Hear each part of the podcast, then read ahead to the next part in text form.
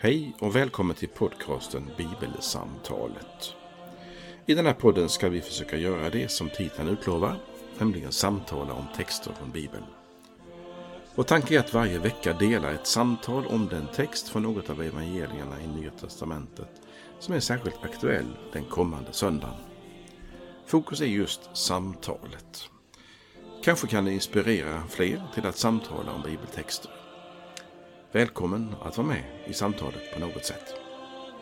Vi som gör den här podden det är Fredrik Borglin, kommunister i Istorps pastorat och Karl Magnus Adrian, präst bland annat tidigare i just Istorps pastorat. Välkommen att vara med. Vårt samtal tillsammans idag handlar om ett tema, eller framförallt en text kan man säga, som är placerad på den andra söndagen efter trettonde dagen med rubriken Livets källa. Och den texten jag ska läsa är från Johannesevangeliets andra kapitel. På tredje dagen hölls ett bröllop i Kana i Galileen och Jesu mor var där. Jesus och hans lärjungar var också bjudna till bröllopet. Vinet tog slut och Jesu mor sa till honom, de har inget vin. Jesus svarade, låt mig vara, kvinna. Min stund har inte kommit än. Hans mor sa till tjänarna, gör det han säger åt er. Där stod sex stora stenkärl för vattnet till judarnas reningsceremonier. Vart och ett rymde omkring hundra liter. Jesus sa, fyll kärlen med vatten och det fyllde dem ända till bredden. Sedan sa han, ös upp och bär det till bröllopsvärden. Och de gjorde det. Värden smakade på vattnet som nu hade blivit vin. Eftersom han inte visste varifrån det kom, men det visste tjänarna som hade öst upp vattnet, ropade han på brudgummen och sa, alla andra bjuder först på det goda vinet och på det sämre när gästerna börjar bli berusade. Men du har sparat det goda vinet ända till nu. Så gjorde Jesus det första av sina tecken. Det var i Kana i Galileen. Han uppenbarade sin härlighet och hans lärjungar trodde på honom. Så lyder det heliga evangeliet. Lovad vare du, Kristus. Ni som har lyssnat på de här eh, samtalen ibland, ni vet att vi har en god arbetsordning, Fredrik och jag, oss emellan. Och därför så eh, överlämnar jag till Fredrik om en stund att eh, placera in den här texten. För det är väldigt bra att man gör det idag i ett sammanhang. Jag väntar med att du både tar den första versen och den sista versen och placerar in dem. Så ska jag ta något annat.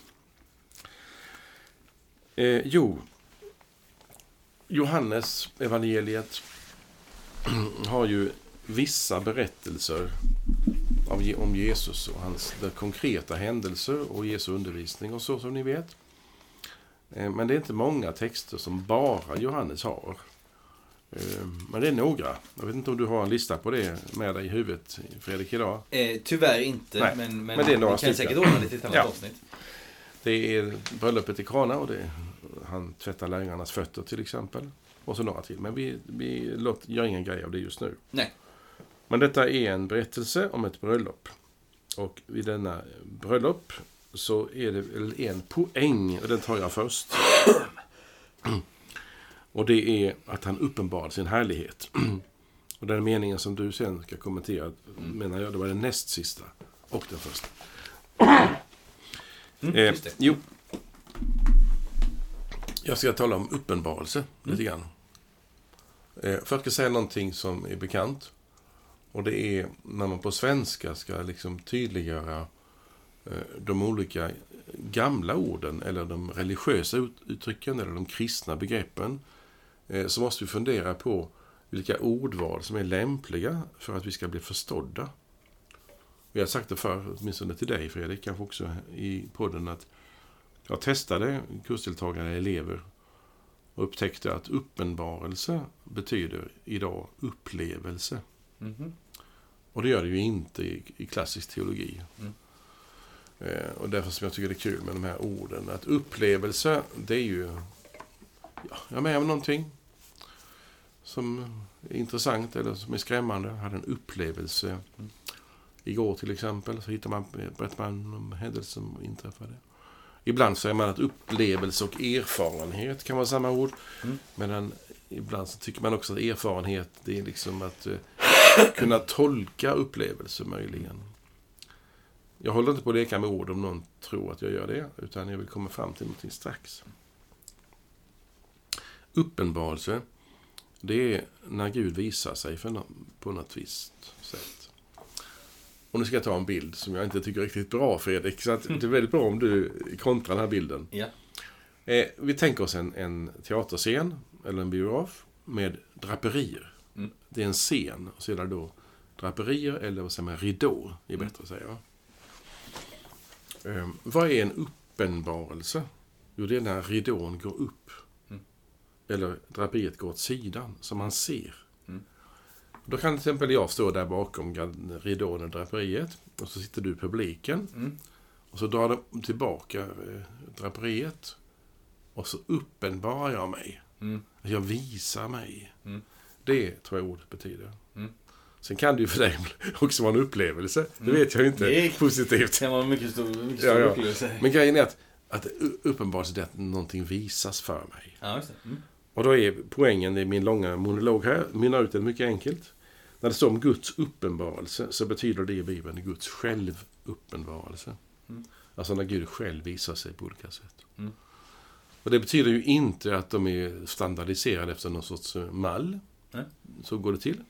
Utan Gud kan uppenbara sig på olika sätt. Eh, En Guds uppenbarelse kan man uppleva Mm. som en upplevelse. Mm. Men det kanske också kommer till mig på ett lugnt sätt som inte är en stark upplevelse. Mm.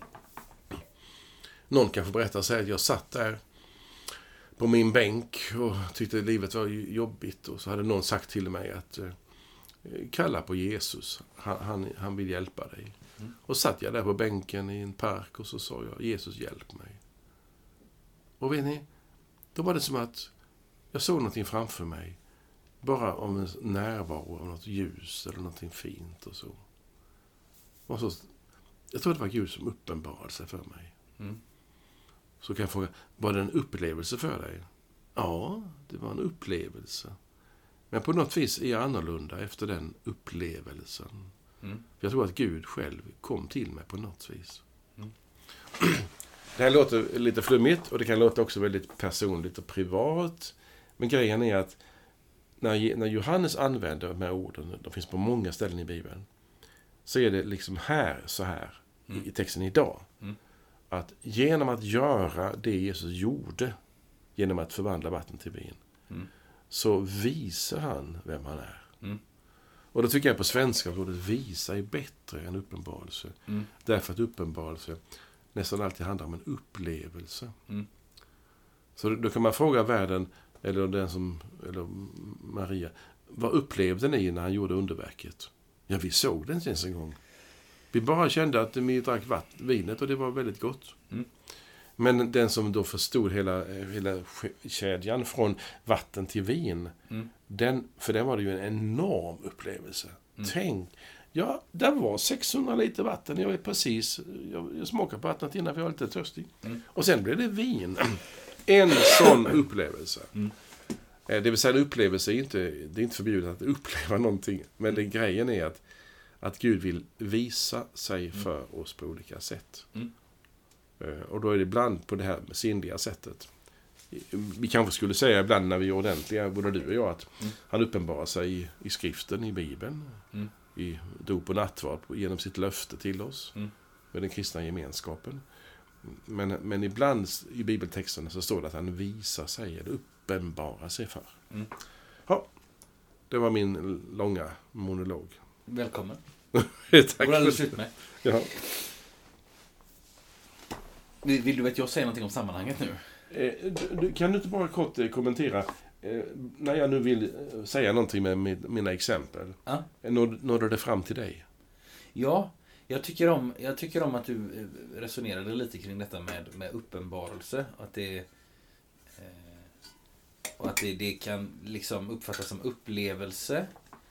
Mm. Och, och ibland så blir det fokus kanske då på... Alltså, när jag har upplevt någonting så är fokus på min upplevelse. Och om, om då, för vissa människor, eh, nu sitter inte jag här och moraliserar utan bara försöker resonera. Eh, om då eh, man talar om att eh, om man ser på en uppenbarelse ungefär som en upplevelse, då blir det väldigt mycket min uppenbarelse. Jag har fått en uppenbarelse, jag, jag, jag. Eh, och då, då, då strök du under detta som jag tror inte bara är, är, är sant, utan det är också viktigt att säga. Det är Gud som uppenbarar sig. Eh, det är honom det handlar om. Sen gör han det förvisso för mig, dig och andra. Men det är Gud som uppenbarar sig. Tack för tillägget. Väldigt bra. Vi sa i förra avsnittet, jag ska strax säga någonting om, om sammanhanget. Vi sa i förra avsnittet att eh, 13-dagstiden handlar ju om att Jesus visar vem han är. Om hans, vi får pusselbitar till hans identitet. Och detta har ju du redan talat om, Carl-Magnus, så det behöver inte jag eh, säga. Och, och det, det stora som uppenbarar sig idag, skulle jag säga, det är ju precis det som du har strukit under. Eh, han uppenbarade sin härlighet och hans lärjungar trodde på honom. Ja. Eh, intressant också detta som du bara nämnde i en passus, det här om man skulle fråga Maria och hennes svar är Jag såg det inte hända. Det är väldigt spännande. Jag hoppas vi, hoppas vi återkommer till det. Det det här att, det ja, Johannes, ja, nej, vi, vi behöver inte ta det nu. Eh, Men sammanhanget är bra om du Mm. tar det, för det tror jag Eh. vi behöver allesammans. ja, alltså vi är i Johannes 2 nu, det vill säga vi är i absoluta början. Det vi har fått till oss hittills av Johannes, det är hans så fina prolog. Och vi har Johannes döparen har pratat lite och Jesus har kallat några lärjungar. Och det är, eh, där finns det saker som vi känner igen från de andra evangelisterna. Till exempel Petrus kallas och lite sånt där. Ehm, men, men det är nog lite annat kallelsesammanhang än, eh, än när, när Petrus kallas tillsammans med, med, med Jakob och Johannes och fiskelagen där och så. Eh, ibland har man uppfattat detta som att det finns liksom, eh, han, eh, Petrus kallas och så kallas han på nytt och sådär. Eh, men det berättas lite annorlunda om det. Och sen så står det, och, och, eh, och det är liksom utifrån den situationen som vi får se textens början tror jag. Eh, det vill säga Jesus har, har kallat lärjungar och han har sagt så här. Eh, Sannerligen, jag säger er, ni ska få se himlen öppen och Guds änglar stiga upp och stiga ner över Människosonen. Det är liksom Jesus slutord i, I ettan. i ettan där. Ja. Och sen så står det på tredje dagen. Och då man tänker att ja, på tredje dagen från att det har skett. Eller så kan det vara på tredje dagen i veckan. Eller alltså det kan ju Mm. vara något annat. Vi, vi vet inte. Eh, men, men det skulle lika gärna kunna vara det ena som det andra. Men, Mm. men, men jag, skulle, jag, jag, skulle, jag är nog benägen att tänka att det mest logiska är att Jesus har kallat några lärjungar. Eh, på tredje dagen är han och hans lärjungar bjudna på ett bröllop. Eh, spännande tycker jag. Om man tänker på bröllop i, i Sverige idag. Nu ska inte jag säga att jag vet hur alla bröllop går till. Men en del har ju erfarenhet av att det är svårt att välja vem man ska bjuda. Sådär, ska vi bjuda alla dina kusiner också? Eller ska jag bjuda mina arbetskamrater? Nej, men honom har jag ju bara jobbat med i tre år. Här kan någon ha varit lärjunge till Jesus i tre dagar och är medbjuden på ett bröllop. Det säger någonting om, om det nu är så, så säger det någonting om kulturen. Eh, vi lämnar det därhän. Mm. Eh, men så vill jag säga någonting om det, om det sista i texten också. Eh, detta med tecken. Eh, du ville särskilt att jag skulle säga någonting om Tecken. eh, om eh, så gjorde Jesus det första av sina tecken. Just Det det. var i Kana i Galileen. Ja. Och det finns ju mer liksom ledtrådar och startpunkter i detta med att Jesus visar vem han är i dagens text. Alltså vi kan tänka att förutom att vi får en uppenbarelse här, eller Jesus visar någonting för oss, så kan vi också tänka på den här texten till exempel som en, ah, en startpunkt. Nu får jag gå på en större upptäcktsfärd. Jag får läsa Johannesevangeliet till exempel. Eh, Jesus gör det första av sina tecken idag. Eh, genom de orden får vi till oss, tänker jag, en inblick i hur Johannes så att säga arbetar när han skriver sitt evangelium. Eller hur den heliga Ande arbetar när han inspirerar Johannes. Eh, för när de andra evangelisterna, alltså Matteus och Markus och Lukas, eh, som, som liknar varandra mycket mer, eh, och som därför också kallas för synoptiker, alltså de har samma syn, betyder det. Eh, medan, de, eh, medan de här tre, Matteus, Markus och Lukas, ger oss massvis med exempel på olika tecken och under som Jesus gör. så är Johannes på ett sätt mera sparsam. Är det sju Ja. totalt? Han berättar om sju tecken som Jesus gör. Mm. Eh, sen finns det de som säger att det, det finns ju fler tecken. Hans uppståndelse är ju tecken och sådär. Men, men ib- ibland brukar man säga att nej, men han gör sju tecken. Eh, eh, samtidigt som Johannes också all, i den allra sista versen i sitt evangelium är noga med att påpeka Jesus har gjort mycket mer. Mer. Ja. Men- Det står så här. Jesus gjorde också mycket annat och om var sak skulle skiljas för sig tror jag inte att hela världen skulle rymma de böcker som då måste skrivas. Det vill säga Johannes är mycket väl medveten om att det, det här var inte någon, någon liksom, det här sjutalet, eh, de här sju texterna jag tar med, det är ett urval jag har gjort. Det finns Mm. oändligt mycket mer att säga. Men jag har valt dessa sju. Eh, Men då ska man inte uppfatta det som att Johannes är en snåljåp. Eh, På samma gång ska vi komma ihåg att han så att säga gör mer av varje tecken. Han berättar ofta mera ingående om dem och han låter också ofta tecken vara utgångspunkter för hur Jesus gör precis det han gör idag. Han talar om, han förklarar vad är det som har hänt? Vad säger detta om mig? Eh, vad betyder detta på ett djupare plan? Skulle vi ta ett exempel kunde vi ta så här. Alla evangelisterna berättar om minst ett brödunder, alltså att Jesus med några få bröd och några fiskar mättar tusentals människor. Mm. Eh, Matteus, Markus och Lukas berättar om detta ganska rätt upp och ner och så låter de berättelsen gå vidare och sen var det nästa händelse och så. Johannes låter brödundret vara en utgångspunkt för att Jesus sen håller ett långt tal om sig själv. Mm, jättelångt kapitel är det. Ja.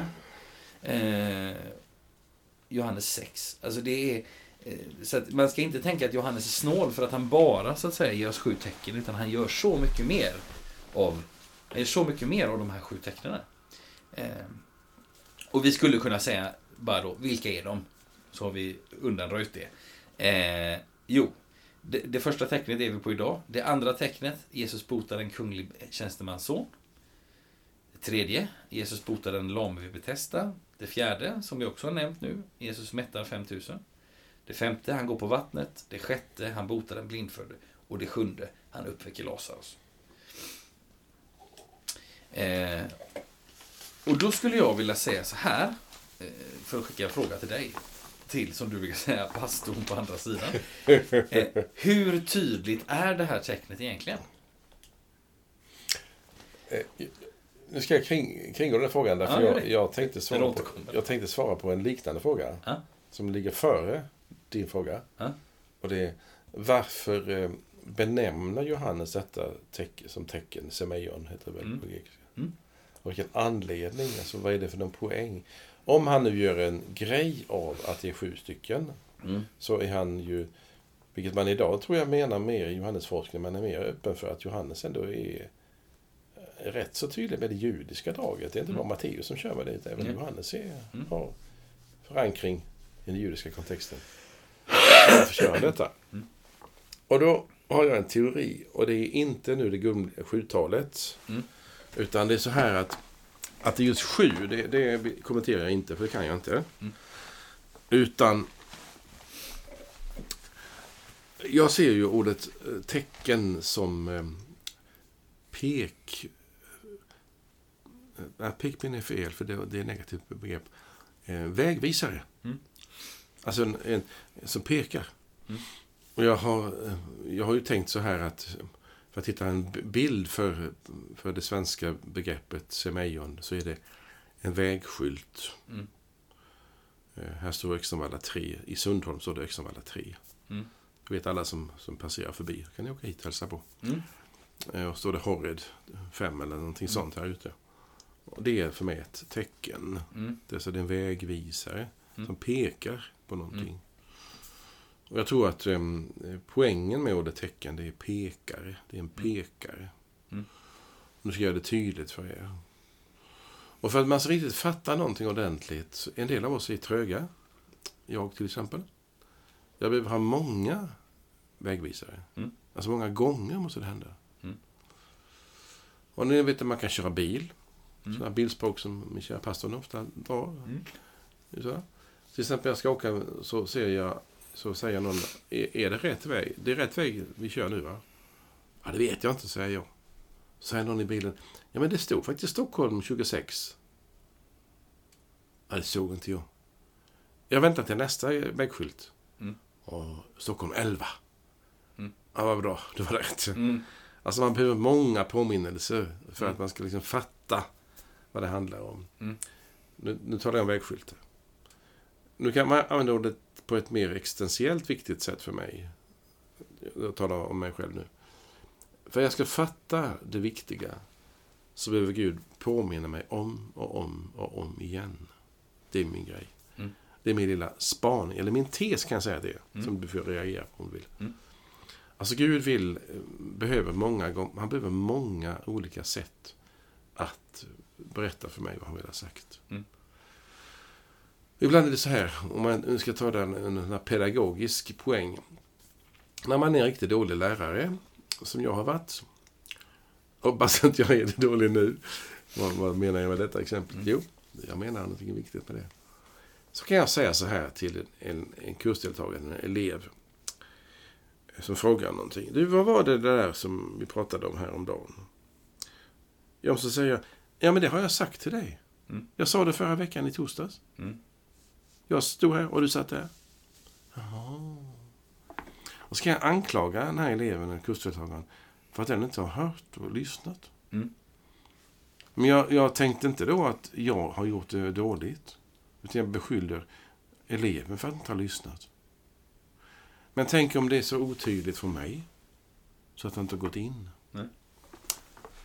Därför kan man som pedagog inte menar jag, generellt säga det har jag ju sagt. Nej. För jag måste ta reda på, har den som har lyssnat hört och förstått vad jag menade? Mm. Och det är därför som jag tycker om semantik. Mm. Alltså, vi måste förstå orden. Vad har jag sagt? Mm. Repetera dem igen så jag vet att du har förstått. Sen om du inte bryr dig eller tycker annorlunda, det är en annan sak. Mm. Men jag vill att du ska för, åtminstone ha förstått mig och jag ska förstå dig. Mm. Det, det tycker jag, då är det det här med tecken så viktigt. Att för att jag ska fatta vem, att Jesus är Guds son. Mm. Så räcker det inte med ett tecken. Nej. Det är min slutsats i min lilla tes. Utan om och om igen behöver jag höra det. Och Johannes har ju skrivit det i eh, kapitel 20.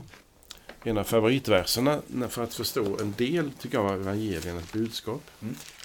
Så läser jag Johannes 20, de sista verserna. Också många tecken som inte tagits med i denna bok gjorde Jesus i sina lärjungars åsyn.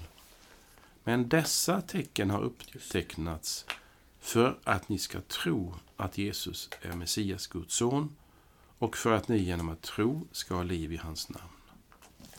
Alltså alla tecknen har ett syfte. Och då menar jag, då är inte poängen, även om det är roligt, att det är sju. Det får vi gärna utveckla. Mm. Utan poängen är att genom tecknen så ska tron på Jesus tändas, uppstå, Mm. växa. Så att allt går ut på att jag ska få tro att han är Guds son. Mm.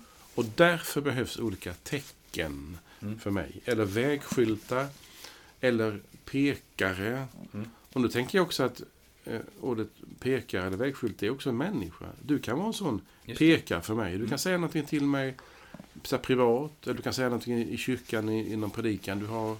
Som är som ett tecken, som, ett, som en pekare för mig. Du Mm. pekar. Och du vet ju själv ett av dina favoritställen om Johannes döparen. Han pekar på Jesus och så säger han Det är som säger bara att Han ska växa till och jag blir mindre. Ja. Eller han ska bli större och jag mindre. Ja. det, det är pekarens uppgift. Mm. Och jag tror att en förkunnare, mm, som jag ju är, har som uppgift att vara pekare. Mm. Och problemet, nu går jag utanför min bild, Mm. det är när förkunnaren tror att man ska peka på sig själv. Det vill säga, det är min roll. Jag vill spela en roll här. Mm. Det är min performance. Det är min predikan. Mm. Det är jag det handlar om.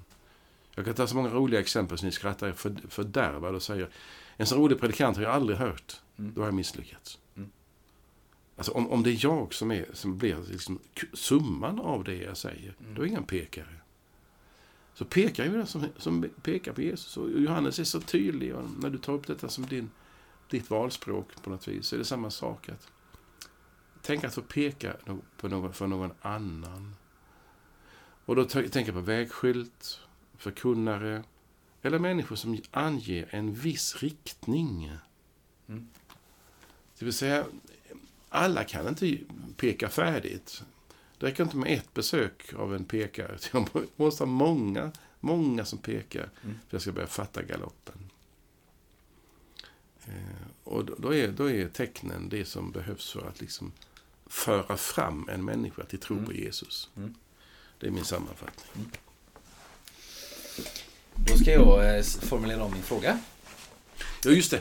Dada. Men. Får jag Den glömde jag ju. Ja, men det är ingen fara. Det, det är Ta den. fara. Ja, alltså för jag, jag, jag, min fråga var så här. Eh, och och jag, jag märkte nu, eller det var inte för att, för jag, du var ju helt tydlig med att du skulle ta en annan grej först. Men jag märkte att jag också för mig själv och för lyssnaren kanske bara vill, bara vill liksom förtydliga mig lite. Alltså jag, min fråga var så här, hur tydligt är egentligen detta tecken? Eh, och då menar inte jag att, nej men du vet, att göra vatten till vin, det kan ju även Fredrik Borlin göra. Nej, det var inte det jag menade. Alltså, tecknet som sådant eh, är ju supertydligt. Eh, Ja, det är ju märkligt och, gjort. och, och, så. Och, och, och vi kan fundera på, och det skulle ju kunna vara, eh, skulle kunna vara ett samtal i sig det här med eh, vad betyder de här sju tecknen? Här, här, är ju, sker ett, här sker ju ett skapelseunder på något sätt. Alltså Mm. att Jesus säga, modifierar skapelsen. Vatten blir till vin. Just Det är det. Just Två olika kemiska beteckningar och han, alltså han är herre över det. Och det, det betyder ju någonting annat på ett sätt än att han botar eller att han uppväcker eller så. Alltså, det, ja. Det, men, och det kan väl kanske bli ett annat samtal någon gång. Vi får se. Eh, utan när jag menar, när jag frågar det här hur tydligt är tecknet så, så, så tänker jag på hur många märkte det? För här, är- det här är någonting som är lite ovanligt i Jesu underberättelse. Jag Alltså när de andra evangelisterna berättar om Jesu tecken och under. Och särskilt när de berättar om Jesu tecken och under som Jesus gör i början av sin verksamhet. Ja. Så är de noga med att förklara. Nu är Jesus, nu blir han känd. Nu sprids ryktet om honom. Nu strömmar folk till eftersom att de har hört talas om vad Jesus kan göra. Och de kommer inte bara själva, de tar med sin sjuka gamla faster och sin Mm, lama gamla morbror och, och, och, och alltså så va. Eh, Alltså de andra evangelisterna är väldigt noga med att nu blir Jesus känd. Och han blir så känd så att han till och med säger till människor han har hjälpt, säg inte detta. Berätta inte. Och han drar sig undan. Liksom. Eh, och det finns anledningar till det och det tror jag vi har nämnt också någon gång. Det här med varför Jesus vill bli känd. Han vill inte bli känd som en helare Mm, utan mm. som någonting annat. Eh, men här är det inte riktigt på samma sätt. Eh, det finns någonting lite fördolt eller hemlighetsfullt med den här händelsen. Eh, alla som är med på den där bröllopsfesten, och det var nog ganska många människor eftersom till och med Jesus och hans helt nya lärjungar var bjudna. För vi tänker att den generositeten i inbjudan bör ju ha gjort att det måste vara hundratals människor. Många hundratals människor, tror jag. Ehm, alla som var där, de verkar inte förstå vad det är som egentligen har skett. Ehm, dels hör vi i evangelietexten sen om att bröllopsvärden, han visste inte varifrån vinet kom. Utan det gjorde bara tjänarna som hade öst upp vattnet. Mm. Hur många de var vet vi inte, men de är en mycket liten minoritet om vi tänker på alla som är på den Mm, här festen. verkligen. Det kan vi sluta oss till. Och sen så står det också så här allra sist i texten. Han uppenbarade sin härlighet och hans lärjungar Lärjungar. trodde på honom. Alltså inga notiser här om att alla som var där förundrade sig. Eller eh, ryktet om honom spreds ut i hela trakten. Eller alla i, i Galileen kom med sina vattenkrus och bad Jesus Mm. köra vin. Eller Mm. Judens vinproducenter förargade sig över honom och ville röja honom ur vägen. Nej men alltså, Mm. utan, utan hur många som var på den där bröllopsfesten märkte igen, Alltså alla märkte ju att Oj, det fanns plötsligt vin. Alltså det, det märkte man ju på det sättet. Mm. Eh, men det är ungefär som att säga att jag, jag är bjuden hit på fika och så har du inga kakor och så har du tagit några stenar och förvandlat dem till kakor. Mm. Så kommer jag hit, jag har ingen aning om det. Jag äter kakor och det var ovanligt goda. Det är ju alltid Mm. goda kakor hos Carl Magnus men det var extra gott idag. Mhm. Men jag märk, jag, det betyder inte att jag märker att de en gång har varit stenar så att Mm. säga. Eh, så man kan fundera på hur många på den där festen märkte vad som skedde. Men du, där tror jag finns en, eh, för mig en koppling. Mm. Och det är att det som föregick kapitel 2 Mm. är ju kapitel 1. Som det ofta är. Ja, är bra. Vilken djupsinnighet. Och där har x antal lärjungar kallats. Några är namngivna. Därför, därför kallelsen finns till lärjungar. Och nu är det de som är föremål för tecken nummer ett. Så det är inte tänkt att det ska vara ett allmänt tecken som det är senare i din, när du kommenterar de andra sakerna. Nej. Ett tecken. Mm. Utan nu, lärjungarna är liksom särskilt, det är omsorg om dem. De vet ju inte hur mycket om Jesus är. Mm. Några har ju just lämnat Johannes som, sin, som deras rabbi. Och så, så är de med Jesus. Och några kanske inte vet vad de har sagt ja till riktigt. Nej, nej. Han är kanske inte känd än. Som det är. I andra evangelier så har det ju hänt vissa saker innan de kallar, han kallar lärjungar. Men här Mm. hos Johannes är det ju inte så. Det står inte mycket om, det står ingenting om Jesus, vad Jesus gör. Nej. Mer än att Johannes döparen berättar att han är Guds lamm som tar bort världens synd. Men annars vet de inte så mycket. Nej. Men nu! Vi har varit på världens fest där han förvandlade vatten till vin. Det kan de ju berätta. Mm. Alltså de är impade på vanlig svenska. Det är min tes som svar på det. Du, du först. Ja, och då skulle jag vilja säga, för jag, jag läste en vers förut som en del av sammanhanget. Och det sista versen i Johannes 1 så säger Jesus sannerligen ni ska få se himlen öppen och Guds änglar komma ner och komma upp över Människosonen. Mm. Det har han sagt till de lärjungarna han har kallat. Mm. Och det är ju minst sagt, eh, det är ganska stora ord. Här, eh, de är inte för stora på något sätt, men, men eh, för de här lärjungarna som precis har mött honom och de har för sig hört att han är Guds lam. Mm, mm. Och Jesus berättar att han är Ni ska få se Guds änglar stiga upp och stiga ner. Dels är det stort över Människosonen. Alltså han identifierar ju sig själv med, med. Människosonen. Alltså, eh, och då tänker jag så här. I, om, jag, om jag får vara sån. I ljuset av det så är ju att han gör vatten till vin inte en jättestor sak.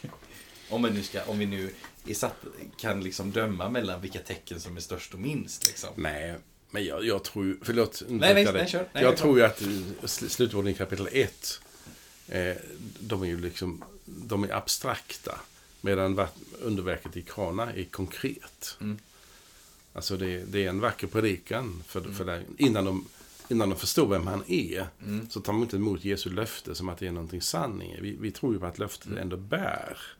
För för att tro på Jesus. Men har du ingen tro på Jesus och han säger någonting väldigt stort så säger vi jaha. Mm. Men ser vi vatten som vandras till vin så säger vi wow! Mm. Det är världens grej för oss. Även om det är mycket, mycket mindre ju. Mm. Än att så himlen är öppen på ett vis. Mm, mm. För det var också det Mm. du antydde. Eller? Ja.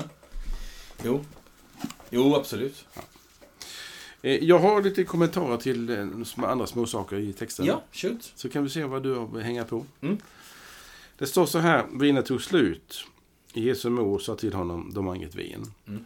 Alltså, mamman, moder Maria har någon sorts connection Mm. till någon ansvarig Mm. på festen. Det är ju uppenbart så. Det är inte så långt till Kana från Nasaret. Mm. Eller? Nej, nej, nej, nej. nej Hon har, hon har någon connection dit och, och känner visst ansvar. Det, det börjar bli pinsamt för min vän världen, Ja. eller brudpar, brudparet här nu. Eh, kan du inte hjälpa till här nu? Och där så tilltalar hon sin son. Och Jesus säger nej, min stund inte kommit. Och då är den där intressanta frågan om alltså Marias roll i detta. Jag, jag tycker själv att det är en ganska liten parentes, men jag, jag noterade den idag. Och det är att ehm, för det första, det, det läromässiga för mig, för mig läromässiga. Mm. Och det är att jag har ett problem. Nu kommer några på besök och det är inte bara Fredrik Borglin. Mm. Utan det är några som är mer avlägset bekanta. Mm. Och så är kakorna slut. Mm. Eller det, jag upptäcker att jag tar upp kakorna så, nej, vad är det? De har gått sönder. Mm. Alltså, nej, vet. Och så säger jag, Jesus hjälp mig. Mm.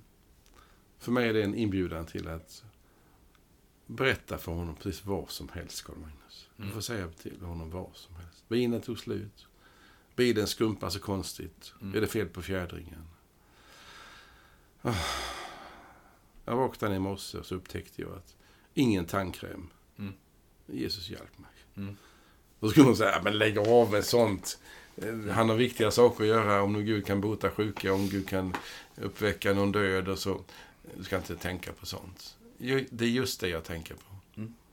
Alla mina önskningar får jag göra kända för Jesus. Mm. Det är ett sätt att, för mig att ta emot Marias exempel. Och det står ju inte hur hon reagerade. på Mm. att Jesus liksom avbryter henne. Mm. Hallå? Nej, nej, inte än. Och det, det får jag vara med om också. Men jag ber om någonting och så är det som han svarar, nej Karl Magnus, det, det tänker jag inte ge dig. Eller, nej, det passar inte. Eller, inte än. Eller, nej, det är inte bra för dig. Jag får invänta det svaret från Jesus. Mm. Och säger då kvinnan, eh, hon, han kallar henne för kvinnan, någonting som Jesus inte vill bejaka. Mm. Så är det Mästaren Kristus som talar till sin mor. Mm. Och det är hans ord som väger tyngst. Mm. Så säger han nej. Och det är väldigt fint att, att få veta det att han, han har koll på läget. Varför han, varför han säger nej Mm. och sen gör det. Mm. Det vet inte vi. Nej. Eller vet du det? Nej, nej, det vet jag inte. Nej. Eh, men så säger hans mor till tjänarna, gör det han säger till er. Mm. Alltså hon, hon är ett steg vidare. För det första ber man om hjälp och sen så gör man ett steg för att liksom underlätta den här hjälpen som nog ska komma. Mm. Eller hur? Ja, just det. Kan du inte fixa detta? Nej, jag gör inte det. Och så känner han, om han nu säger någonting så gör vad han säger för att han är, han är Guds son, förstår ni? Mm. Det står inte så. Men det är Nej. någonting i detta. Eller? Mm. Jag tänker att i Maria måste det ligga detta att eh, eh, om det är någon som fattar vad som kan ske innan det sker så är det hon. Eh, det, för det vill säga hon har ju uppe, kanske någon slags connection eh, till världen eller brudparet så att hon förstår att vinet är slut. För jag tänker mig att eh, det är ingenting man basunerar ut på en bröllopsfest utan, utan det, det här är så pinsamt så att man man säger det kanske till någon. Du, nu är vinet slut här. Och så kanske någon säger det till någon. Kan vi lösa detta? Men det är ingenting man säger. Ursäkta allihopa, vinet är slut. Nu är det gå hem med er. Utan man försöker ju lösa det på något sätt. Eh, Men hon säger det också till Jesus för att hon har någon slags tilltro till att han kan göra något åt det. Ja, absolut. Eh, Det är ju som du sa här med, du har någon bekant här som med, med när kakor är slut liksom. Så ringer du mig och säger du Fredrik, kakorna är slut här. Och det är klart att jag, och du vet att jag är hemma i Horred här och Mm. jag kanske är på väg ut till dig för att fika med. Mm, Och då betyder ju det, kan du bara sticka in på Ica och så. Mm. Hade jag däremot varit i, i, i eh, Mongoliet på semester och du ringer mig och säger du kakorna är slut. Ja, vad ska jag göra åt det? Alltså men... Mm. Eh, Nej, men grejen är väl att, att det finns ingenting som är... Eh, vi behöver inte fundera på det som jag ändå funderar på. Eh, är Maria stolt över sin son som kan göra under? Eh, och hon vill liksom lansera honom. Eh, jag tycker det är en väldigt dum tanke som jag för fram. Jag vill bara ha sagt den därför att Mm. vi förstår att hon, hon anar ju vem han är. Hon har begrundat detta i 30 år minst. Så det är inget nytt för henne. Nej. Utan det måste vara så att det är en prekär situation. Det, det är väldigt knepigt det här. Mm. Med att, för mig eh, tycker jag bättre än vin, även om vin kan drickas. Så menar jag det är pinsamt om man har en fin middag och sen finns det inget kaffe efter maten. Det, det är ju svårt om man är i Sverige i alla fall. Mm. Eh, Och då är det, det är väldigt svårt. Och då är grejen att Gud, det här är jättejobbigt för mig. mm. Om det sen är något viktigt eller, eller oviktigt i andra människors ögon spelar ingen roll. Mm. Men att för mig är detta svårt. Mm. Och det berättar jag rakt upp och ner. Mm. Som det är. Jag har en tråd till. Har du någon mer tråd? Eh, inte på rak arm så, nej. Ja, då tar jag min tråd. Kör. Eh, Ett ämne som jag tycker egentligen inte jag vill prata om. Jaha. Men jag, ibland så kommer jag in i, i samtal ändå med detta. Mm. Och det är... Vilken inställning tycker du eh, att du har, eller du borde ha, till alkohol? Är det här en knepig text? För vissa.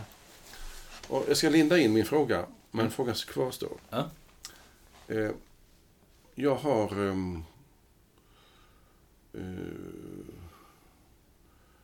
nej, jag har, nej, jag har nu ingen vän som har råkat illa ut. Jo, jag har någon som har råkat illa ut. Och därför inte smakar alls. Mm. Eh, av olika anledningar. Mm. Och det finns ju inget annat än att säga att det är en enorm respekt inför detta. Att jag, Mm. Hen kan inte ta någonting som luktar alkohol. Nej. Kommer det. Så finns det andra som har sett vad det kan innebära. Mm. Och som har principiella skäl mot alkohol. Mm. Eh, Det finns i, i, i många kristna sammanhang som jag har mött i alla fall en väldigt tveksamhet till alkohol. Mm. Och när man sen börjar ana och gräva i Bibeln, inte bara på ytplan utan lite djupare, så inser man ju att det var inte speciellt liksom, lättvin som, som användes. Utan Mm. det var ju vin som hade lite krydda för att det skulle hålla sig ett tag. Mm. Jag minns den första gången när jag började begrunda att man i nattvardsvin i Svenska kyrkan ganska ofta har man haft, och har ibland i alla fall, Madeira som ju är ett starkvin på Mm. jag tror, över 20 procent volymprocent. Mm. Något sånt. Mm. Eh, Det är ju starkt vin ju. Och inte något svagt 7-procentigt från Moseldalen eller någonting sånt. Nej. Ehm, Så undrar man att, ja men... Så blir det, det är inte helt lätt ibland för i vissa kristna gemenskaper och grupper detta. Ehm, Och då har man kanske sagt så här att ja, men det var en sed på Jesu tid och, och man gjorde så, men vi får inte ta efter själva saken med alkohol och vin. Utan tänk att han hjälpte till i en situation som socialt sett var väldigt knepig. Och så släpper man så att säga, diskussionen om alkohol. Mm. Och min fråga till dig är då, du behöver inte bara berätta vad du tycker, utan har du mött det här så att hur den här berättelsen om bröllopet i Kana är ett, liksom ett krux, ett problem? Har du mött det? Ja, det skulle jag säga att jag har. Eh, och jag har också mött där den här, eh, där den här berättelsen är eh, ett själv, så att säga, en självklar anledning till hämningslöst drickande när som helst. Okej. eh, ja, men Jesus Oj. förvandlar ju vatten till vin. Liksom. Vadå? Måste man få det lite gött. Aha. Eh, vilket blir väldigt knepigt. Eh, eh, det- jag, jag, det var någon som sa så här, lyssnade på något föredrag någon, på, på, på, om detta med alkohol. Och, eh, och, och man talade just utifrån det här argumentet då att ja, men Jesus förvandlade vatten till vin, då måste väl jag få ta mig några glas. Mhm. Och, och, och då var liksom mot... Eh, inte mot... Ja, men motargumentet, eller svaret på den, på den slutsatsen som då en person drog var ungefär att ja, eh, han förvandlade vatten till vin på ett, på ett bröllop. Eh, men eh, det har ingenting med din fredagswhisky att göra ungefär. Alltså att... Mhm. Alltså att eh, eh, eh, hur, hur ska man bedöma detta? Kan man säga att Jesus inte...